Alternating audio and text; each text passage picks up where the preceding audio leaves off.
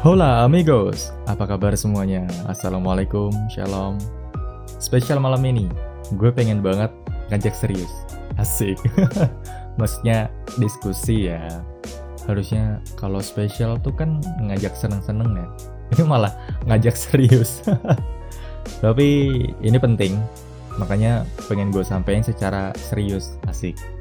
Malam ini gue pengen nyampein pemikiran gue tentang suatu hal tapi sebelumnya, gue pengen ngucapin, hey, buat teman-teman yang baru dengerin podcast ini, lo lagi dengerin Curhatanku Podcast, sebuah podcast berisi topik-topik ringan keseharian kita, disisipi motivasi dari gue sendiri, dan beberapa buku sebagai referensi. By the way, kemarin tuh ada yang nanya ke gue, mana bukunya? Katanya beberapa buku. Guys, bukunya tuh sebagai referensi. Jadi yang nggak gue sebutin bukunya apa siapa penulisnya nggak gue sebutin. Lagipun yang bersumber dari buku tuh kira-kira ya 30% lah. Sisanya opini pribadi yang didukung realitas sebagai argumen. Jadi ya emang dominan opini pribadi sih. Tapi fine lah ya. Nah, malam ini tuh gue pengen banget ngungkapin pendapat gue tentang berpendapat. ini gue beropini tentang beropini. Aneh gak sih? Nah, meskipun banyak cara beropini, tapi buat gue sendiri ya, cuma ada satu cara buat menerima berbagai macam opini. Bahkan, sampai opini yang ekstrim tentang hal-hal yang ekstrim juga. Misalnya, paham-paham tertentu, atau kepercayaan gitu. Tapi kenapa gue taruh di season ini? Ini kan season like a friendship ya, tentang pertemanan gitu. Apa hubungannya antara pertemanan sama kebebasan berpendapat? Ada. Makanya gue pengen banget bahas ini karena menurut gue bahasan ini itu ada kaitannya sama like a friendship, sama pertemanan. Kayak gimana nyari teman, nerima teman, berkomunikasi sampai berkolaborasi sama teman terhadap sesuatu hal. Dan seperti biasanya, opini itu apa sih? Oke, sebelum masuk ke opini, gue pengen terlebih dahulu ngomong tentang pandangan. Mungkin lo pernah dengar, mungkin juga enggak. Yang pernah dengar tuh kayaknya sih ya, dengar dari pelajaran PKN gak sih? Yang tentang wawasan Nusantara itu. itu kan ngebahas pandangan juga tuh. Tapi oke, okay. menurut KBBI, pandangan bisa diartikan ke empat hal definisinya. Yang pertama, hasil perbuatan memandang. Yang kedua, bisa juga diartikan dengan definisi benda atau orang yang dipandang. Berarti tadi itu kan kata kerja aktif sama pasif ya. Nah, terus yang ketiga definisinya bisa pendapat atau opini ini yang mau gue bahas nanti. Dan yang keempat terakhir, pengetahuan. Gue mau ngambil definisi keempat duluan, yaitu pengetahuan. Kalau lo telusuri lagi, apa itu pengetahuan? Definisinya tuh segala sesuatu yang diketahui.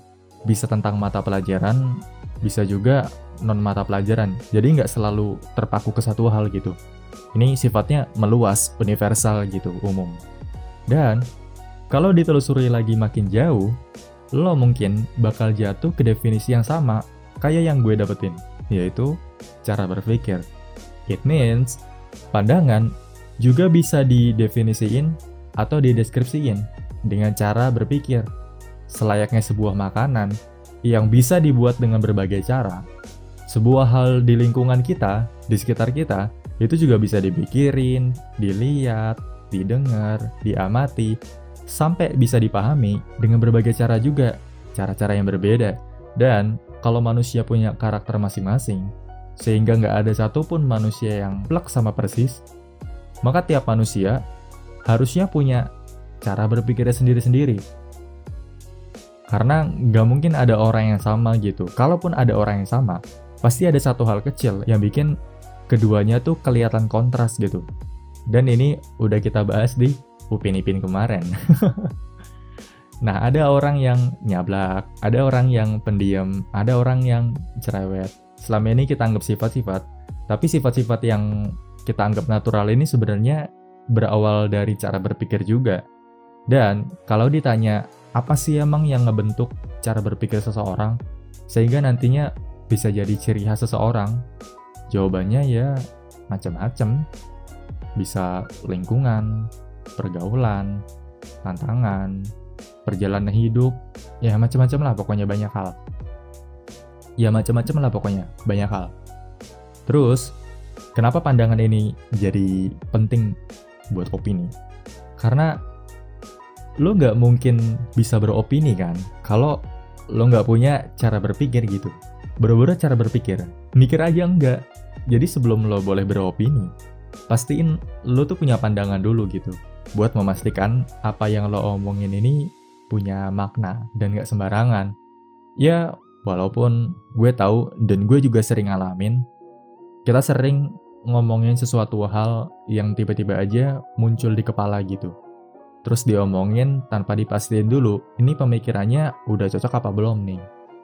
Tapi it's fine, itu latihan tau menurut gue. Ketika lo punya pemikiran yang tiba-tiba muncul di dalam kepala lo, dan langsung lo ungkapin, itu kan berarti otak lo udah terbiasa diajak mikir sebelum beropini. Dan udah jadi refleks aja gitu. Sisanya ya tinggal latihan aja. Gimana caranya ngendalin itu biar lo bisa mendalami hal-hal yang muncul di kepala lo. Habis itu biar bisa diolah, biar lebih enak gitu jadinya. Dan delivery-nya juga jadi lebih nyaman. Kecuali gue dulu pernah punya kenalan perempuan yang kalau ngomong tuh selalu nggak dijaga. Gampang nyinggung ranah pribadi seseorang. Bahkan, ranah pribadi keluarga dan asmara gue itu pernah disinggung. Bahkan berkali-kali. Akhirnya ada satu momen nih, di mana tuh kita ngumpul dan dia minta maaf sama semua orang yang pernah dia singgung. Gue pikir kan, oke okay lah, it's fine, gue maafin. Tapi dia blunder gitu. Dia malah bilang kalau dia selalu kepikiran setelah ngungkapin itu semua setelah ya guys kenapa gitu Terus gue pikir ah udahlah ini sih fix lah kayaknya dia terbiasa juga terbiasa gak ngotak kalau ngomong lo punya kenalan yang kayak gitu nggak ceritain dong ke gue gimana orang itu saat itu DM guys DM aja Twitter nah opini kalau lo cari di mana pun definisinya selalu akan jatuh ke satu hal dan Definisi ini ada di KBBI. Opini bisa berarti pendapat, pendirian, atau pikiran. Selalu balik ke pikiran. Kenapa? Karena segala hal itu emang harus dipikirin dulu sebelum dilakuin. Lo mesti ngabisin beberapa menit atau beberapa jam, bahkan beberapa hari dulu sebelum lo bisa ungkapin opini lo. Opini gue ini aja sekarang udah gue pikirin berhari-hari yang lalu. Nah, di sampingnya ada definisi lain yaitu pendirian. Dan lagi-lagi, kalau lo telusuri lagi definisinya, pendirian bisa berarti proses, cara, atau keyakinan yang dipakai sebagai tumpuan untuk memandang atau mempertimbangkan sesuatu. Cocok nggak? Proses, cara, dua kata yang udah gue sebut sebelum-sebelumnya. Setiap orang pasti punya sebuah cara untuk ngelakuin sesuatu termasuk dalam berpikir. Dan definisi setelahnya, yaitu keyakinan, untuk dipakai sebagai tumpuan, landasan, dasar, atau tolak ukur. Dan yang udah gue bilang tadi, lo nggak mungkin bisa beropini kalau lo nggak punya pendirian, lo nggak punya landasan gitu, nggak punya dasar atau tolak ukur untuk mengukur ini opini lo akan berdampak apa buat orang lain gitu. Ada nggak orang kayak gitu? yang nggak punya landasan, nggak punya tolak ukur untuk beropini. Ada guys, banyak, tersebar, merata di sekeliling kita. Orang-orang ini kemungkinannya antara dua, nggak punya pendirian, atau orang gila. Jadi, kalau lo punya temen yang banyak berpendapat, tapi selalu berubah-ubah pendapatnya, habis itu nggak punya pendirian, udahlah, panggil aja dia orang gila gitu. Jadi dalam beropini atau berpendapat, lo terlebih dahulu harus memastikan pandangan lo, cara berpikir lo, termasuk ketika menerima pendapat. Gak berarti setiap pendapat orang bakal salah di mata lo dengan beranggapan kalau setiap orang berbeda. Realitanya, banyak pendapat-pendapat orang yang sepakat sama pendapat lo. Dan sebaliknya, lo juga sepakat sama banyak pendapat orang lain. Tapi itu kan gak berarti lo sekarakter. Lo cuma ada di referensi yang sama aja sama dia. Gak berarti lo tuh sama kayak dia. Karakternya sama, dan pandangan lo sama, itu enggak. Lo ya tetap lo, dia ya bakal terus selamanya jadi dia. Jangan mikir kalau lo sama kayak dia, terus akhirnya lo mulai terobsesi dan pada akhirnya jati diri lo bakal hilang karena obsesi lo ngikutin orang lain. It means penting buat nyari referensi apa yang orang pakai buat berpendapat. Dan artinya, gak ada pendapat yang salah atau benar. Bahkan, semua pendapat selalu benar. Itu menurut gue. Terus lo bilang, ah gak setuju gue. Masa dibilang melihara jenglot itu legal? Itu kan salah, bla bla bla bla bla bla. Guys, setuju dan gak setuju aja, bahkan gak nunjukin sebuah hal itu salah atau benar. Setuju dan gak setujunya kita itu, berarti kita nggak ada di satu referensi yang sama aja, sama kayak dia. Referensi lo adalah jenggelot apa, referensi dia mungkin sesuatu yang dikonotasikan dengan objek jenglot, bisa jadi. Jadi penting buat tahu referensi. Sebuah keharusan buat gue ketika ngungkapin atau menerima opini itu harus mastiin dulu pandangan sama referensi. Terus apa pentingnya buat pertemanan? Kenapa jadi hal yang ribet banget sih? Kan cuma teman. Nah, maksudnya bukan temenan aja ya. fokus, fokus. Oke, fokus. Next ya. Opini ini asalnya dari pemikiran-pemikiran gue yang dipicu dari banyaknya konflik orang-orang di sekitar gue hanya karena karakter orang yang beda-beda. Akhirnya ngerasa, uh, ini kok dia lemah sih, eh kok yang ini barbar. Dan secara nggak langsung kan nimbulin konflik, perbedaan pendapat gitu. Terus yang lemah bakal bilang, iya dong, apa-apa tuh harus hati-hati, jangan sembrono, which is true, gue setuju. Terus si barbar bilang, dipikir-pikir mulu, kapan jalannya, udah, gaskan aja lah. And it's true itu ya Akhirnya gue kepikiran, kenapa seseorang tuh bisa beda karakternya ya? Itu semua menurut gue adalah karena pola pikirnya. Alhasil, ngerembet ke banyak hal, kayak cara ngomong, cara bersikap, apa pun lah pokoknya banyak hal. Dan itu semua bikin gue nyimpulin bahwa dalam pertemanan penting buat ngeliat referensi satu sama lain. Apa persamaannya, apa perbedaannya, di mana letak kesamaannya, di mana letak kontrasnya. Pertanyaannya, apakah ada referensi yang sempurna? Oh ya, jelas gak ada. Setiap hal selalu ada resiko dan konsekuensinya. Termasuk saat lo milih orang buat dijadiin teman. Jadi poin gue adalah, ada resiko ketika lo memilih buat berteman. Resikonya adalah perbedaan pandangan atau cara berpikir. Perbedaan ini juga yang mendasari kenapa muncul istilah toksik, teman progresif, teman tapi mesra, dan teman-teman lainnya. Bahkan, dalam kasus yang mirip, kayak teman progresif sama teman sefrekuensi, atau teman produktif misal, ketiganya nunjukin perbedaan cara berpikir dan perbedaan pandangan, padahal mirip. Tapi, terus apa dong yang mesti kita lakuin? kalau pada dasarnya tiap manusia itu berbeda satu sama lain, sehingga dapat dipastikan cara berpikirnya juga bakal beda. Dengan kata lain, apa yang mesti dilakuin ketika kita memutuskan berteman, tapi kita tahu nggak akan ada orang yang sepandangan sama kita. Menurut gue, kuncinya cuma satu dan udah pernah gue sebutin di episode 3 bahkan. Kuncinya adalah saling mengerti. Berarti saling mau buat saling ngeliat referensi masing-masing. Saling mau ngembangin referensinya, cara berpikirnya, gimana cara kolaborasi, atau ngeleburin dua hal jadi satu hal yang lebih baik. Dan semua itu dilakuin dengan satu cara yang udah pernah gue sebut juga, yaitu komunikasi. ngobrol, diskusi gitu.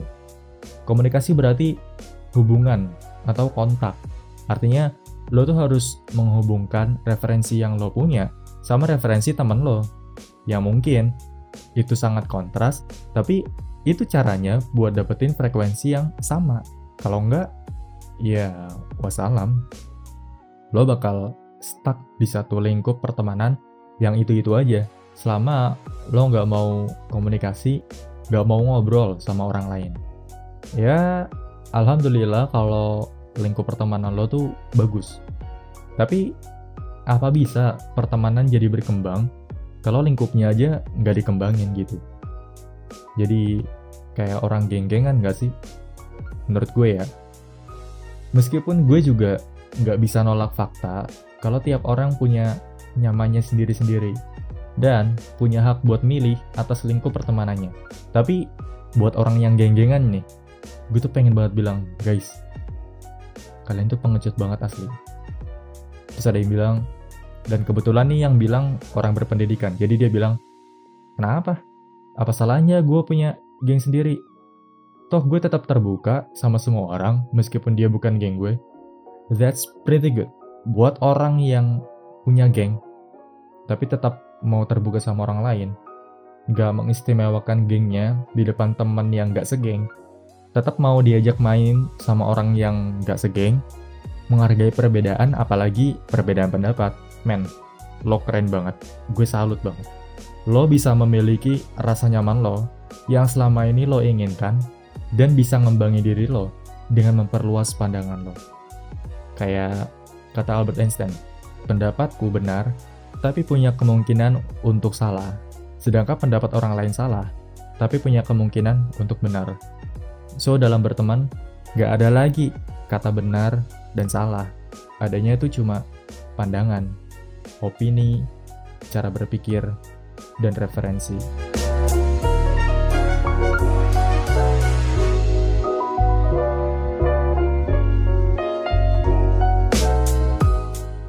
Alhamdulillah terpuaskan gue.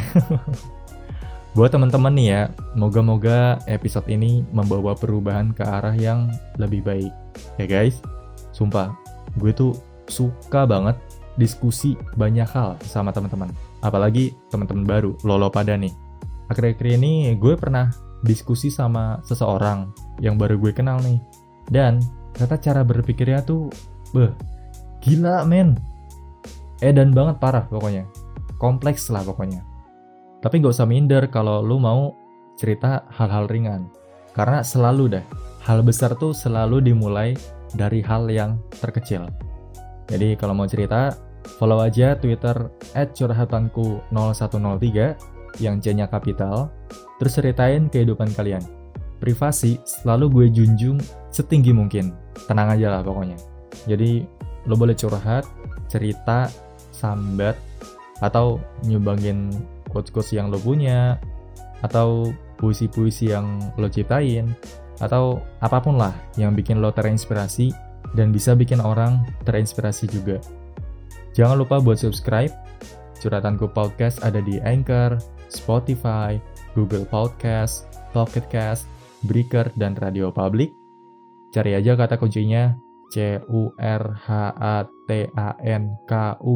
Curhatanku dan subscribe. Jadi kalau episode baru itu udah tayang dan lo udah subscribe, itu notifnya langsung masuk gitu ke HP teman-teman semua. Share juga curhatanku podcast biar makin banyak yang mau ngajak dan diajak diskusi. Jadi curhatanku podcast ini bakal jadi makin menarik gitu dan seru tiap episodenya. Kita ketemu lagi di episode selanjutnya. See you next time.